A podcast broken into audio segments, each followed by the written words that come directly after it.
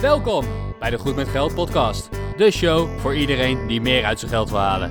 Of je nu als millennial eerder wil stoppen met werken of gewoon graag je financiën op orde wil hebben, hier ben je aan het juiste adres, want hier ben je goed met geld.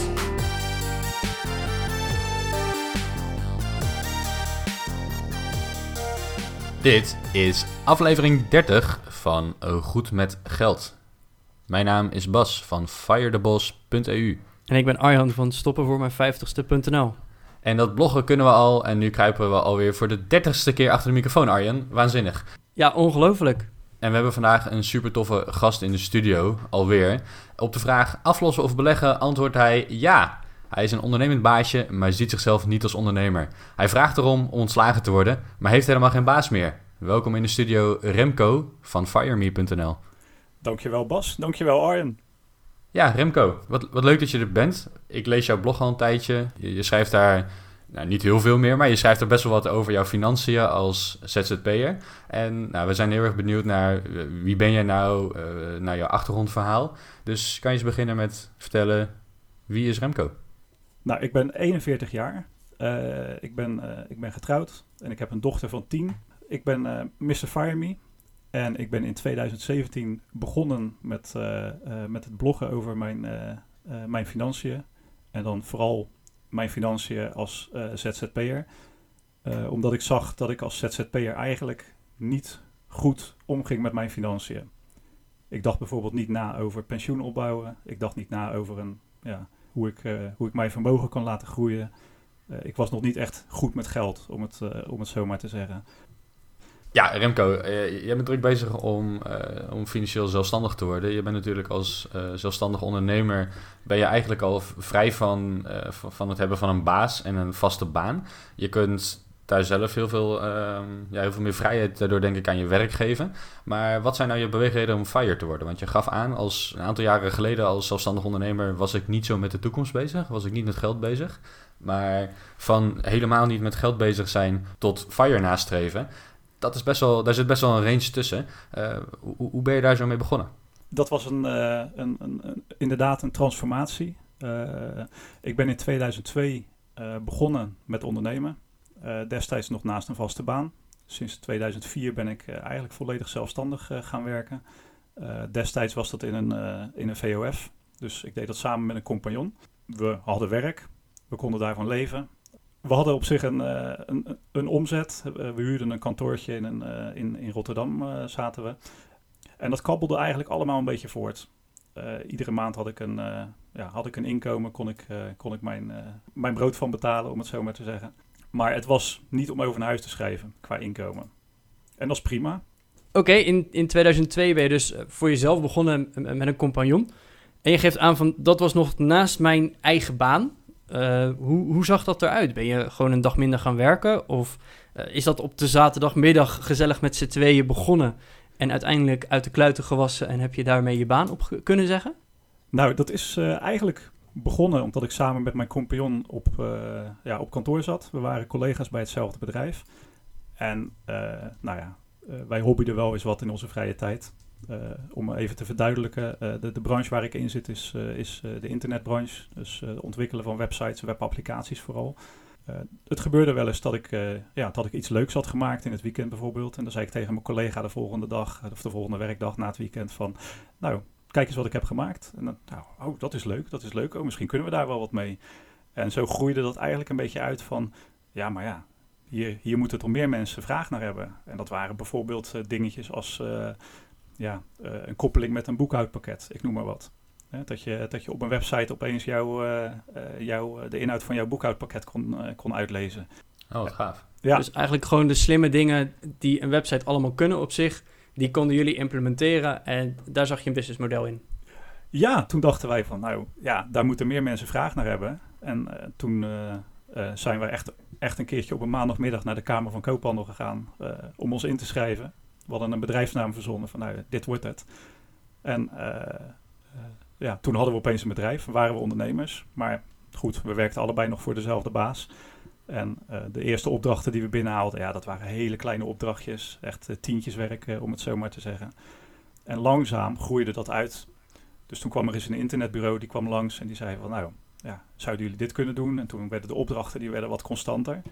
Mhm. Eh, waardoor ik op een gegeven moment part-time ben gaan werken. Dus uh, 20 uur zelfstandig en 20 uur nog in loondienst. Wat vond jouw werkgever ervan dat jij dat part-time ging doen? En dat je in eerste instantie naast een fulltime baan een eigen, eigen zaak erbij had? Sommige werkgevers vinden dat niet leuk. heb je dat met ze over gehad?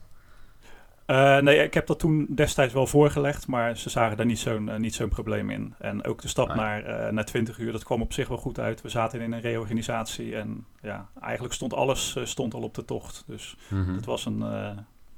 dus ja. de helft van het salaris besparen voor de werkgever was niet zo'n probleem? Nee, nee, klopt. En, klopt. en uiteindelijk zijn, zijn, jullie toen fulltime gegaan? Want je zegt, ik heb een tijdje naast mijn fulltime baan gedaan. Ik heb een tijdje 50-50 onder, als ondernemer gewerkt. Ja, en daarna ja, fulltime? Ja, daarna ben ik, ben ik fulltime gegaan. Dat is in 2004 geweest. En mijn compagnon, uh, die werkte destijds nog voor die werkgever, maar die is ja, vanwege die reorganisatie eigenlijk eruit gezet. Dus die moest noodgedwongen, min of meer, ook fulltime aan de bak. je kan dan een, een, tijdje kan je, kan je nog gebruik maken van je, van je WW-uitkering. je hebt een sollicitatieplicht. Nou goed, we hebben toen eens goed gekeken naar van wat kunnen we, wat is onze huidige omzet? Wat hebben we nog op de bank staan? Durven we dit, dit aan? Nou, daar, hebben we de, daar hebben we de handen op geschud van nou, we gaan dit doen. Ja. En toen zijn we allebei fulltime uh, gegaan. In eerste instantie allebei vanuit huis. Maar goed, er is al een afstand tussen van uh, ja, 50 of 60 kilometer. Uh, ja, dan merk je dat het toch wel fijn is om bij elkaar te gaan zitten. Dus we zaten een aantal dagen in de week, ja, of ging ik naar hem of kwam hij naar mij toe. werkten we samen aan projecten, dat ging hartstikke leuk. Toen waren we klaar voor de volgende stap en dat was een eigen kantoor. Dus toen zijn we een kantoor gaan huren, zodat we onze klanten daar konden ontvangen. En uh, ja, dat je je werk en je privé ook nog wat meer gescheiden kon houden. Nou ja, dat ja, wat tof. Um, en ik, ik ga even vast forward naar de toekomst. Uh, want op een gegeven moment gaf je aan van, nou, ik ben begonnen met een, een compagnon. En uiteindelijk zijn we uit elkaar gegaan. Dat ging gewoon zo. En ondertussen ben ik ZZP'er. En als ZZP'er heb ik toch financieel niet de beste keuzes gemaakt. Kan je daar misschien heel kort even wat over vertellen? Over hoe dat ging van VOF naar ZZP en welke keuzes je dan vooral zegt van, nou, dat, daar heb ik nu achteraf misschien wel een soort van spijt van. Nou, de keuzes waar ik uh, spijt van heb, dat was niet zozeer uh, in de, in de ZZP-periode, maar dat was meer eigenlijk in, in deze periode toen ik die VOF uh, had. Omdat wij uh, ja, eigenlijk heel kleinschalig zijn begonnen. Letterlijk met tientjeswerk. Uh, en onze opdrachten werden wel langzaam groter, maar het is nooit echt een vetpot geworden, om het, uh, om het zo maar te zeggen. Ondanks dat de internetbranche in die tijd, en dat was nog voor de crisis, was dat best wel booming. Die floreerde gewoon hoor. Die floreerde, ja precies. Ja, ja. En ik heb het idee dat wij in die tijd echt aan de zijlijn hebben gestaan en ja, misschien onszelf ja, in de vingers hebben gesneden, laat ik het zo, uh, laat ik het zo maar zeggen. Maar ja, wij hebben er niet uitgehaald wat we eruit hadden kunnen halen. Als ik nu terugkijk in ieder geval naar die periode. Oké, en op, uh, op welke gebieden was je dan financieel niet zo goed bezig? Of uh, de, de foute periode, zoals je hem zelf ook wel eens hebt genoemd? Ja, nou ja, de foute periode. Um, toen ik startte met ondernemen was ik 24. En normaal gesproken ga je vanaf je 25ste, ga jij, als je in loondienst bent, ga je een beetje pensioen opbouwen. Dat is het normaal. Is ja, de eerste paar jaar is dat echt heel minimaal en daarna wordt het ja, ietsje meer. Precies. Ja. Maar ja, goed, dat is wel die startperiode. En dat is ook precies de periode dat ik eigenlijk uit het arbeidsleven ben gestapt en als ondernemer ben, uh, uh, ben gestart. Dus juist mm-hmm. in die beginjaren uh, ja, heb ik sowieso niks aan pensioen bijvoorbeeld gedaan. Onze omzet die was, die was niet, niet bijster hoog. En eigenlijk dachten we daar ook niet over na over uh, bijvoorbeeld een oude dagsvoorziening. Je had gewoon plezier in wat je deed en verder was het prima. Ja, precies. Ja, ja we, gingen, we hadden ja, leuke projectjes. Uh, we hadden een kantoortje en uh, smiddags om half vijf uh, deden, we de, deden we de lampjes uit en dan gingen we, lekker naar, gingen we lekker naar huis. En op vrijdagmiddag deden we dat soms om twee uur of om drie uur. Van ja, hey, je, bent je bent zelfstandig, dus ja. ja, je, mag, je mag het zelf kiezen. Je genoot van de vrijheid die je ja. inderdaad had door al geen baas te hebben, maar hem te ja. zijn. Ja, precies, precies. Dat is natuurlijk ook wel een valkuil. En even het bruggetje maken naar het freelancen dat je nu doet. De, die valkuil, die, zou, die zal er misschien nog steeds zijn. Ja, die valkuil die is er wel. Maar ik ben zelf toch wel ja, disciplinair genoeg om uh, te zorgen dat ik wel aan mijn uren kom. dus ik kan wel goed omgaan met die vrije tijd als ik het, als ik het voor mezelf mag zeggen. Dus ja, dat is... en als, als ZZP'er, de opdrachten die je nu hebt, zijn die vergelijkbaar met wat je destijds in de VOF deed? Of, of zit je nu veel meer, wat meer op detacheringsbasis bij jouw klanten? Doe je losse projecten? Doe je developmentwerk? hoe, hoe moeten we dat zien? Ja, de, de, de, projecten die ik nu doe, dat zijn echt langlopende projecten. Bij één project, daar zit ik twee dagen in de week. En dat doe ik nu al een jaar of drie, denk ik, voor dezelfde klant. En een ander project, daar zit ik ook al een aantal jaar. dat, ja, dat zijn gewoon langlopende detacheringsprojecten. En dat is vooral ontwikkeling gewoon op locatie. Dus okay. ik, ik, heb gewoon een werkplek in dat kantoor. En ja, ik hoor daar bijna bij het meubilair, om het zo maar te zeggen. Ja, je zit daar langer dan sommige nou, collega's, dus uh, quotes. Dat is heel raar om te zien, maar ik zie inderdaad mensen binnenkomen, die stellen zich voor en die zie ik na een jaar of na twee jaar zie ik die ook weer weggaan. En denk ik, ja, hmm. ja, ja, zo gaat dat. Ja, ik zit hier extern en ja.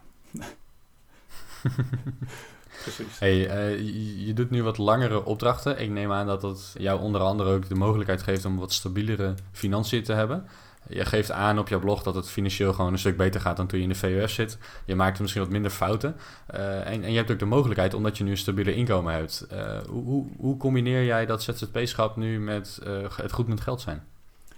Ja, exact. Nou, dit staat ook wel op, op mijn blog beschreven.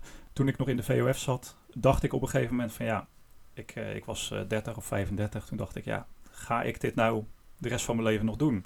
Als je erover nadenkt, zie je langzaam zie je die pensioenleeftijd zie je dichterbij komen. Mhm. En uh, er waren wat, uh, wat dingen in mijn omgeving die ervoor zorgden dat ik daar eigenlijk over ging nadenken.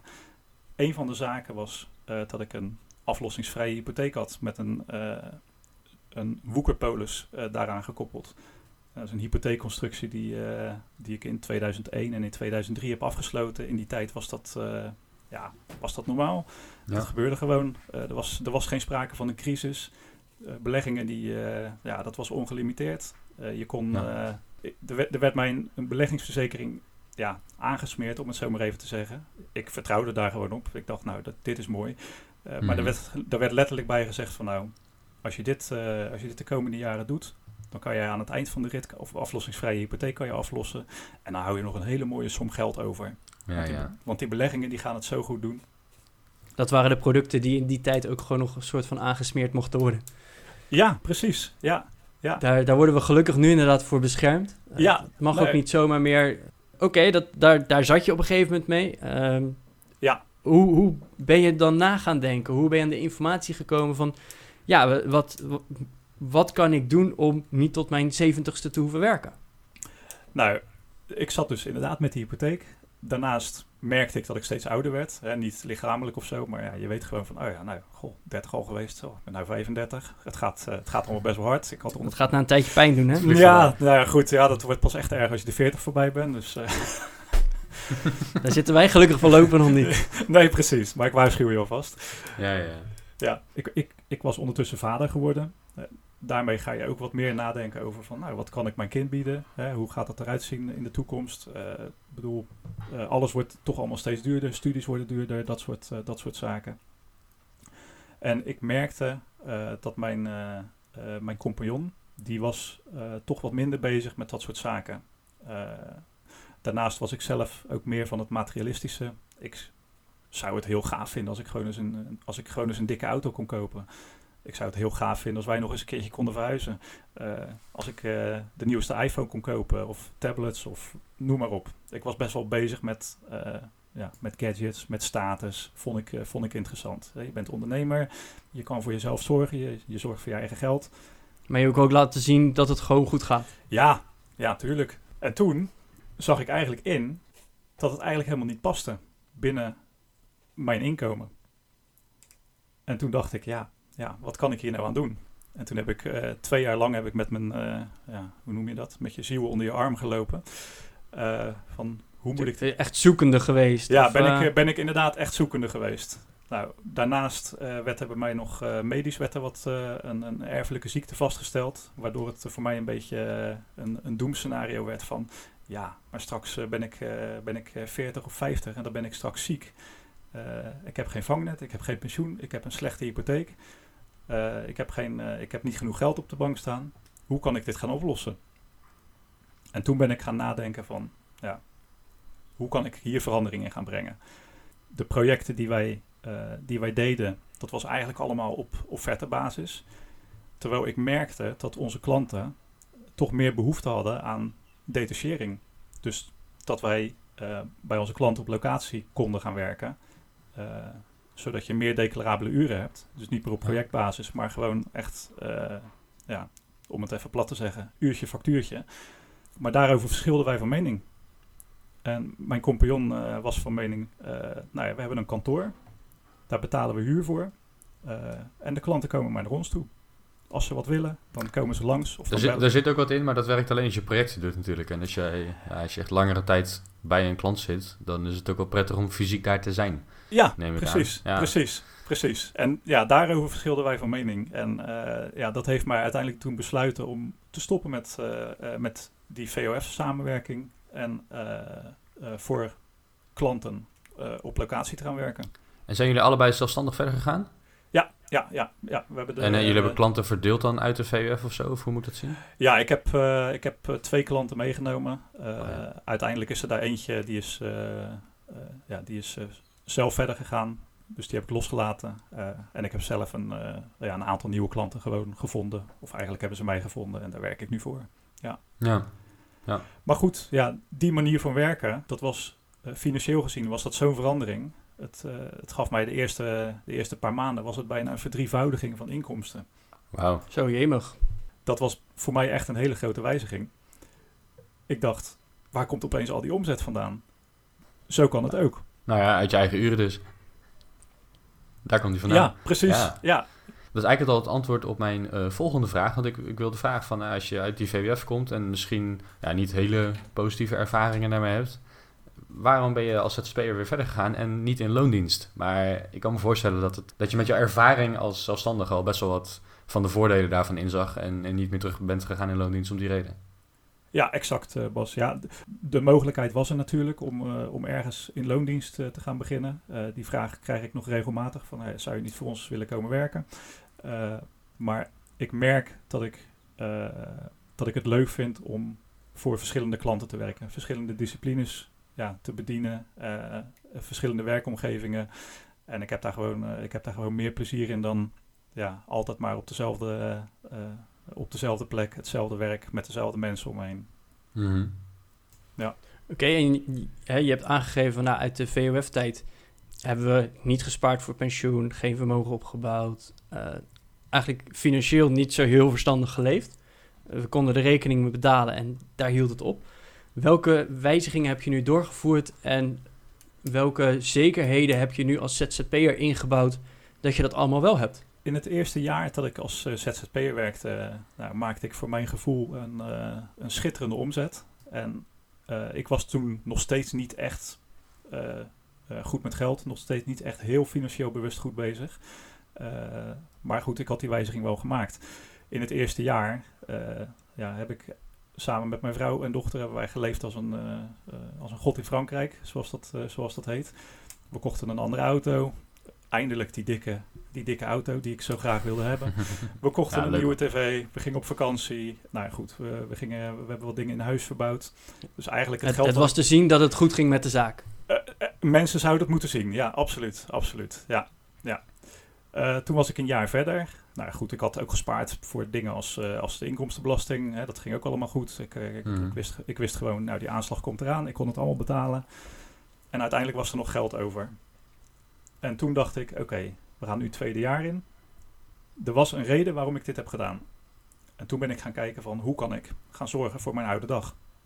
Dus wat kan ik doen om, eh, eh, om voor mijn pensioen te gaan sparen. Mhm. Toen ben ik gaan zoeken eh, en ik kwam ja, dingen tegen als ZZP-pensioen. Dat is een bepaald initiatief.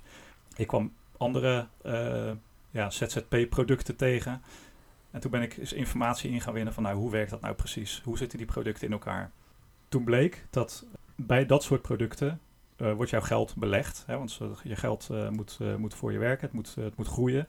Eh, als je het op een bank spaart, dan, eh, eh, dan, dan verlies je eigenlijk geld vanwege de inflatie Ja. en, de la- en de lage rentestand. Pensioen is inderdaad eigenlijk niet een, sp- een grote spaarpot, maar juist een, een beleggingsproduct eh, om meer geld te maken van wat je al hebt. In Nou, dat zou het moeten zijn, ja. Ja. Precies, precies. Nou ja, goed. Kijk, als je in loondienst bent, dan eh, ben je via je werkgever meestal aangesloten bij een pensioenfonds.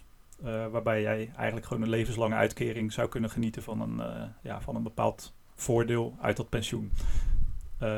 Als ondernemer ben je volledig aangewezen op een eigen regeling. Ik kan, me niet ik kan mij niet aansluiten bij een pensioenfonds die mij de rest van mijn leven gaat voorzien van een bepaald inkomen. Dus ik, ik was echt ja, aangewezen op iets regelen in de, in de privésfeer. Nou, dat is misschien helemaal niet slecht, want eh, even een bruggetje maken. Ik ben in loondienst. Ik geniet een goed inkomen, maar Ja. onze pensioenregeling is niet zo heel goed. Wij zijn bijvoorbeeld niet bij een pensioenfonds aangesloten, maar Mhm. wij hebben een beschikbare premiepensioenregeling. En Ja. Dat betekent eigenlijk gewoon dat je een geblokkeerde beleggingsrekening hebt bij een pensioenaanbieder. Ja. Waar je elke maand geld naar overmaakt. Ik maak daar vanuit mijn salaris een deel naar over. De werkgever betaalt er een deel mee. En ja, die, die pot geld die moet renderen. Die wordt belegd in... eh, nou, ik heb hem in mijn geval... kon ik hem gelukkig aanpassen naar een, eh, naar een goedkoop indexfonds. Heel slim. En uiteindelijk moet dat een bedrag zijn waarmee ik een uitkering kan aankopen. En ik denk dat dat als ZZP'er een beetje vergelijkbaar werkt. Dat, dat is inderdaad een vergelijkbare regeling. Ja, ja klopt. Dat is misschien nog wel beter dan een pensioenfonds waar veel kosten aan zitten. Waar, nou ja, Nou ja, het, eh, zo, zoals, jij het nu, eh, zoals jij het nu aangeeft, eh, denk ik dat jij een betere oplossing hebt inderdaad dan veel mensen die via een pensioenfonds zijn, zijn aangesloten. Want ja, je geeft al aan van ik kan zelf, ik heb zelf invloed op waar mijn geld in wordt belegd. Hè? Dus je hebt zelf gekozen voor eh, indexfondsen. Je kan waarschijnlijk ook kiezen voor de verdeling tussen Ja. eh, aandelen, obligaties. Standaard, standaard was dat niet zo. Standaard zat ik in een paar dure mixfondsen van de aanbieder zelf. Ja, ja. Eh, maar gelukkig kan ik in deze polis kiezen voor een andere verdeling. En heb ik gewoon 100% voor een wereldwijd aandelen indexfonds gekozen. Kijk, ja, ja dat, is, dat, is, dat is heel mooi. Maar goed, hoe, hoe doe jij dat dan Remco? Want eh, als, als zelfstandige, jij kan natuurlijk ergens een, pensioenspaarrekening openen. Als het goed is heb jij belastingvrij een, een bepaald bedrag per jaar op basis van je omzet of van je winst geloof ik. Wat je, wat je daarin mag storten. Nou, dat, dat, dat drukt op je inkomstenbelasting, dus dat is een voordeel op dit moment. Hoe, hoe heb jij dat nu geregeld? Nou, eh, inderdaad, zoals je aangeeft, mag je als ondernemer eh, mag je gebruik maken van, zoals dat heet, je jaarruimte. Dan mag jij als je in loondienst bent, kan er ook sprake zijn van een jaarruimte. Maar dat is eigenlijk de, ja, een soort fiscale ruimte die ontstaat als jij geen pensioenopbouw hebt of niet volledig pensioen opbouwt. Ik gebruik die jaarruimte dus. En ik leg die jaarruimte leg ik ieder jaar, of eigenlijk iedere maand, leg ik dat in op een geblokkeerde rekening. Ik leg mijn, eh, mijn jaarruimte leg ik in. Eh, enerzijds beleg ik dat via eh, een, pensioenrekening bij Brand New Day. Eh, daar beleg ik in een mix van aandelen en obligaties. Eh, en een ander deel eh, leg ik maandelijks in op een bankspaarproduct bij mijn, bij mijn eigen bank. Ja, eigenlijk als een stukje veiligheid. Niet zozeer dat ik bang ben voor, voor, voor de markt, maar het voelt gewoon beter om ja, een deel van dat geld gewoon op die manier vast te hebben staan. Ja, om het een soort gegarandeerd te hebben. Ja. Ja, ja, precies. Hey Remco, ik weet dat de fiscale ouderdagsreserve die jij belastingvrij mag inleggen op je pensioen als ondernemer, die is niet ongelimiteerd. Ehm, ik neem aan dat in, zeker in de ICT veel ZZP'ers boven de winst zitten waarin ze eh, dat, eh, dat mogen doen. En dat er vaak dus ook nog gewoon in privé geld overblijft. Be- Beleg jij nog privé in andere zaken? Hoe, hoe bouw jij verder vermogen op naast jouw pensioen? Ja, klopt eh, Bas. Je mag als, eh, als ondernemer mag je inderdaad gebruik maken van die, eh, van die, van die jaarruimte.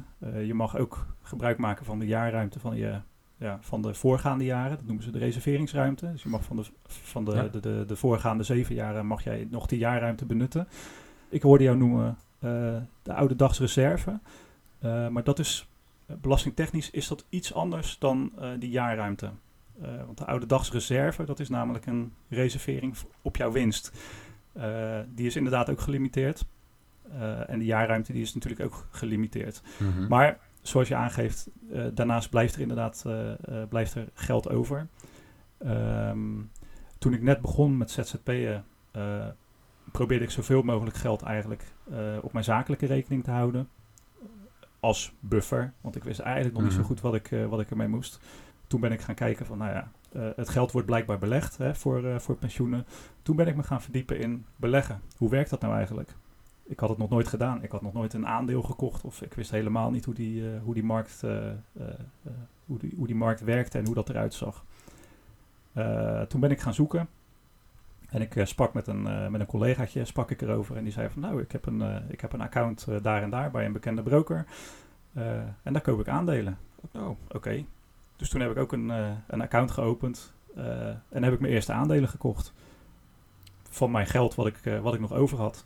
Dus op die manier ben je ook echt in privé je vermogen gaan opbouwen? Ja, ja. daarnaast schrijf je op jouw website dat je ook flink aan het aflossen bent op je hypotheek. Nou, met het verhaal wat je net hebt, hè, net hebt verteld, aflossingsvrije hypotheek, woekerpolis erop. Ik kan me voorstellen dat dat dan inderdaad interessant is om proberen om, om die hypotheek wat omlaag te brengen. zijn dat jouw enige twee de enige twee fronten als het waarop jij je privévermogen opbouwt? Uh, nou ja het, ja, het zijn eigenlijk drie, eh, drie, uh, drie zaken waar ik uh, nu eigenlijk mijn, mijn geld in opbouw. dat is enerzijds het geblokkeerde pensioensparen. dat doe ik als, ja, nou ja, als appeltje voor de dorst als ik straks de AOW-leeftijd mag bereiken, dat ik in ieder geval mm -hmm. nog wat geld heb staan. anderzijds hebben wij onze hypotheek destijds aan laten passen. Uh, onze rentevastperiode liep af. Um, en omdat het me toch allemaal niet lekker zat met Andy Woekerpolis, uh, waar wel geld in zat, maar wat naar mijn idee nooit voldoende kon worden om dat ooit af te kunnen lossen. En die aflossingsvrije hypotheek. Dus we hebben dat om laten zetten naar een uh, annuitaire hypotheek. Oh ja. Zodat we eigenlijk eindelijk konden gaan aflossen. Nou, dat was, ja, dat, dat, voelde, gewoon, dat voelde gewoon goed. Ja, daarnaast ben ik, ben ik gaan beleggen. Uh, eerst in, in losse aandelen. Uh, nou ja, misschien herken je het wel, maar die zat ik iedere avond zat ik dat uh, in de gaten te houden. Ik had uh, aandelen van, van, van AMD had ik gekocht, een of andere chipfabrikant in Amerika. Dat in de gaten houden kan je met ETF's ook gewoon doen hoor. Ja, klopt. Ja, maar ja, toen was het, al, toen was het, toen was het voor, mij, voor mij allemaal nieuw. En ik zat iedere mm. avond van, oh, oh, hij stijgt en oh, hij zakt. iets gedaan, ja. Ja, precies, precies. Dus dat was allemaal een beetje, een beetje korte termijn. Ik heb er ook geld mee verloren, want ja, dat, uh, uh, op die manier beleggen, dat, uh, dat bleek toch niet te werken. Mm -hmm. um, en toen ben ik eens gaan kijken van, ja, hoe kan ik dat beleggen? Hoe kan ik dat nou eens slimmer gaan doen? Toen ben ik gaan zoeken op internet van, hoe doen mensen dat? En ik kwam al gauw kwam ik terecht bij het fenomeen indexbeleggen. En via die route uh, kwam ik terecht bij onder andere uh, Mr. Money Moustache, bij J.L. Collins, zijn stokseries. Mm -hmm. en aut automatisch ook op de Nederlandse websites daarover. En toen, ben ik, ja, en toen ben ik begonnen met indexbeleggen. Ja, en langzaam rooi je dan in het wereldje. Ja, en als je er eenmaal in zit, dan kom je er bijna niet meer uit. Want het is aan de ene kant heel leuk, het is een soort van verslavend en het is eigenlijk nog goed voor je ook. Mm -hmm. uh, hey Remco, uh, sinds 2015 ben jij ZZP'er. Correct. Um, nadat je echt bent gaan ZZP'en, ben je dus ook echt uh, veel beter met geld gaan worden. Of eigenlijk na een jaar van ZZP'en en goed uitgeven, ben je uh, supergoed met geld geworden. Waar sta je op dit moment? Hoeveel uh, heb je op je huis afgelost? Uh, ben je nu lekker bezig met uh, je vermogen opbouwen? En, en hoe, gaat het dan nu? Ben je, zie je het nu rooskleurig voor je dat je inderdaad je oude dagvoorziening straks klaar hebt? Ja, nou dat zijn, zijn, zijn, goede vragen. je komt daar natuurlijk niet zomaar. dat, het, het, he het hele de hele gedachte achter dat beter met geld worden, dat is langzaam, langzaam gegroeid. Ik, ik ben op een gegeven moment ook gaan bloggen daarover, juist een beetje om mijn, mijn ervaringen te delen, om, mijn, om te zorgen dat mensen ja, gaan nadenken over die valkuilen die je als ondernemer kan tegenkomen. Waar ik voor mezelf nu sta, is dat mijn huis voor, nou, zeker voor een derde, misschien al bijna de helft is afgelost mijn oude dagsvoorziening die, eh, die groeit. Er staat al een aantal jaar salarissen staan er al ja, eigenlijk al geblokkeerd. Nou, moet je en dat geeft je ook een heel comfortabel gevoel, dat, dat geeft inderdaad wel een comfortabel gevoel. Kijk, je weet wel, uh, ik moet nog wel afrekenen met de Belastingdienst. Ja, want ik, ik spaar dat nu natuurlijk belastingvrij. Ik druk nu mijn belastbare inkomen. Uh, ja. Uiteindelijk moet ik over die uitkering die gaat plaatsvinden, moet ik daar nog wel inkomstenbelasting over betalen. Maar dat is op een latere leeftijd. Als er geen inkomen meer is en je ja, zoals het er nu uitziet, ook gewoon waarschijnlijk in een lagere belastingschaal valt. Waardoor je dus minder inkomstenbelasting betaalt. En daar ligt eigenlijk de enige winst die je hebt op zo'n eh, eh, op zo'n product. Ja, en effect- effectief heb je natuurlijk ook, je legt het nu ook eh, belastingvrij in van je bruto inkomsten, Klopt. waardoor je er nu meer in kan leggen. Dus eh, ja, ooit moet je een keer ergens belasting over gaan betalen. Dat, dat is een van de zekerheden in het leven. Ja. Maar het, het is dus ook heel aantrekkelijk om het op deze manier te doen. Zeker als eh, ZZP'er volgens mij. Juist omdat je het eh, goedkoop in kan leggen. Het kan wel jaren en jaren renderen. En vervolgens eh, pas bij de uitkering ga je er inderdaad echt belasting over betalen. Ja, exact, exact. En ja, dat zou ook echt mijn boodschap zijn aan, aan, aan ZZP'ers, ondernemers die, die net beginnen. Open gewoon zo'n rekening en begin gewoon met inleggen. Al is het maar 50 euro in de maand, al is het maar 100 euro in de maand. Doe het gewoon. Benut al die jaarruimte die je hebt. Dat, is echt eh, de enige mogelijkheid die de Belastingdienst jou biedt om, eh, ja, om fiscaal vriendelijk jouw, eh, jouw pensioen op te kunnen bouwen. Ja, Remco, met dit advies eh, wil ik eigenlijk meteen doorgaan naar ons volgende onderdeel. En je bent al een soort van begonnen. Eh, maar even de vraag, ben jij klaar voor onze Goed met Geld vragen? Kom erop. Kom maar op. Oké. Ehm, ja, je hebt nu net al een advies gegeven. Daar komen we denk ik zo meteen nog even op terug. Maar eh, Remco, wat is jouw grootste financiële blunder? Mijn grootste financiële blunder is eh, dat ik eh, te veel heb vertrouwd op een eh, eh, ja, financieel adviseur slash tussenpersoon in het verleden. Gaat het dan om de, om de bank qua hypotheek of ook om beleggingen? Of? Nou, wij hadden eh, eigenlijk al jaren in de familie hadden wij zo'n mannetje, zoals je dat dan noemt. Die regelde Mhm. onze verzekering, bijvoorbeeld voor een auto. Die regelde onze verzekering voor de woning. En eh, als je een huis wilde kopen, nou, dan, ging je, dan belde je even met, je, met dat mannetje. Ging die, kwam die bij je langs met zo'n hele map eh, met al jouw papieren. Heel, echt zo'n van de oude stempel nog. En dan ging die eens kijken van nou, hè, wat, eh, wat, wat zijn de mogelijkheden? En als ik er achteraf zo op terugkijk, heeft die adviseur eh, eigenlijk vooral aan zichzelf gedacht. Met het afsluiten van de producten ja, waarmee, eh, waarmee wij later eigenlijk opgezadeld zaten. Hij was misschien meer een verkoper dan een adviseur. Ja, precies. precies. Ja. En, en dat is, ja, dat was ook de tijdsgeest. In die tijd, dingen als provisieverbod, dat, dat bestond nog niet. Woekerpolis was nog een onbekende term. Er werden gewoon producten eh, verkocht waar hij eh, ook gewoon goed voor gecompenseerd is eh, geweest. En eh, ja, uiteindelijk, eh, als ik daarop terugkijk, denk ik dat dat wel het meeste, ja, mij het meeste geld heeft gekost. Ja, dat is denk ik ook meteen wel even goed om aan te vullen. Eh, zulke zaken zijn tegenwoordig mag het ook gewoon niet meer. Als je inderdaad een mannetje hebt en een mannetje die dingen voor je regelt, eh, je moet dat mannetje ook betalen, want het mannetje mag niet meer betaald worden door al die producten die hij eh, aan jou verkoopt of aan jou adviseert. Dus eh, ik denk dat daarin de tijd gelukkig ook wel een stukje eh, verbeterd is. Dat dat inderdaad niet zomaar meer kan en mag. Natuurlijk moet je altijd zelf nog even wat research doen of een second opinion vragen. Maar ik, ik denk gelukkig dat dat niet meer zomaar voor mag komen. Nee, zeker hoor. En het- is een, eh, eh, daar zijn echt wel verbeteringen gemaakt. Kijk, natuurlijk zullen banken nog steeds wel eh, ja, vieze spelletjes spelen. Er wordt altijd aan je verdiend. Er wordt altijd aan je verdiend. eh, maar het feit dat, eh, dat jij nu inderdaad moet betalen voor zulke diensten... eh, nou, dat geeft al wel aan dat zo'n adviseur ook echt voor jou bezig is. In jouw, Het wordt een stuk transparanter ook. Inderdaad, het is transparanter en het is ook meer in jouw belang. Tenminste, daar mag je, Ja. eh, daar mag je van uitgaan. En in die tijd Ja. kwam die gewoon kosteloos langs. En dat maakte niet uit wanneer je belde. Of, eh, of die nou s'avonds of in het weekend of, of wanneer ook langskwam. Je zag daar nooit een rekening van. Maar ja, onder water heb je die Als je ergens niet voor betaalt, dan ben je niet de klant, maar het product. eh, Dat, eh, eh, exact, exact. ja. Ja. Dat was toen natuurlijk ook al. Hey, even door naar de volgende vraag. Ehm, wat is iets dat jij nu kan, of nu beheerst, maar dat je vijf jaar geleden al heel graag had willen kunnen? Beleggen. Ja, beleggen. Zonder, eh, zonder twijfel. Dat is een duidelijk antwoord. Ja, ik... En dan eh, in, als in beleggen van de losse aandelen eh stockpicking of weten hoe bijvoorbeeld een indextrekker werkt en eh, daar dus eigenlijk gewoon je geld mee kan beleggen. Nou, vooral dat laatste inderdaad. Weten hoe, eh, hoe ja, eigenlijk in het algemeen weten hoe beleggen werkt, eh, hoe de markt een beetje in elkaar steekt. eh, eh, dat stockpicking op zich eh, eh, op, op lange termijn waarschijnlijk niet goed, eh, niet goed werkt. En dat indexfondsen over lange termijn altijd goed werken. Dat was Ja, voor meteen mij, ook voor onze luisteraars thuis. Eh, wij hebben hier ook een hele aflevering over gemaakt. Die nemen we in de show notes van vandaag ook weer mee. Eh, luister die aflevering dus ook vandaag even, vooral even terug. Zodat je inderdaad ook te weten komt hoe dat nou daadwerkelijk moet.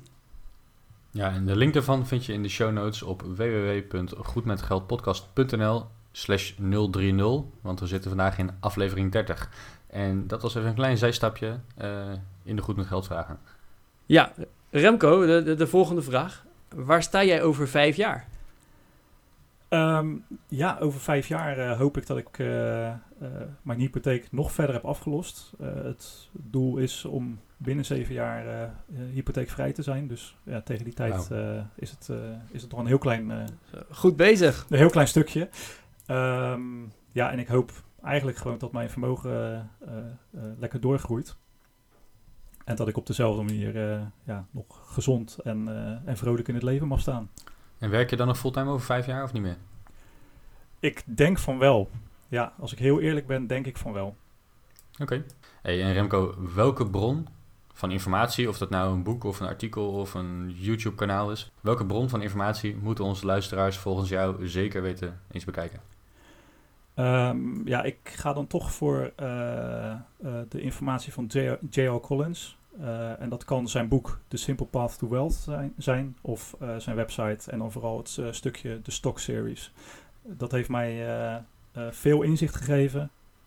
Hij heeft het heel ja, hilarisch en soms zelfs sarcastisch beschreven, maar het was voor mij echt ja, een feest van herkenning. En ik dacht, ja, dit, zo moet het gewoon zijn. Dit, dit was voor mij echt heel, eh, heel goede informatie. Ja, dus als je een jaar of tien hebt om ze terug te lezen, dan eh, is dat zeker een aanrader. Want er zijn best uitgebreide artikelen en, en veel ook. Eh, Nou, misschien dan toch maar met het boek beginnen. Toch, nou ja, het, het, het boek is eigenlijk een samenvatting en dan in een, eh, in een eh, logische volgorde. Eh, Ja. alles, alles wat in het boek staat, sta- staat ook op zijn website. Maar het boek... eh, ja, nee, de meestal- stokseries zijn echt, eh, echt heel Ja. goed, heel uitgebreid. Ja. Ah, tof. Ehm, en Remco, eh, wij vragen in onze laatste vraag altijd eh, naar de specialiteit of de, de, het kenniscentrum, kennis, als kennisexpert, ehm, de, de laatste vraag. En, en bij jou is dat vooral het, ZZP zijn. Dus wat is jouw advies om bijvoorbeeld fired te worden als ZZP'er?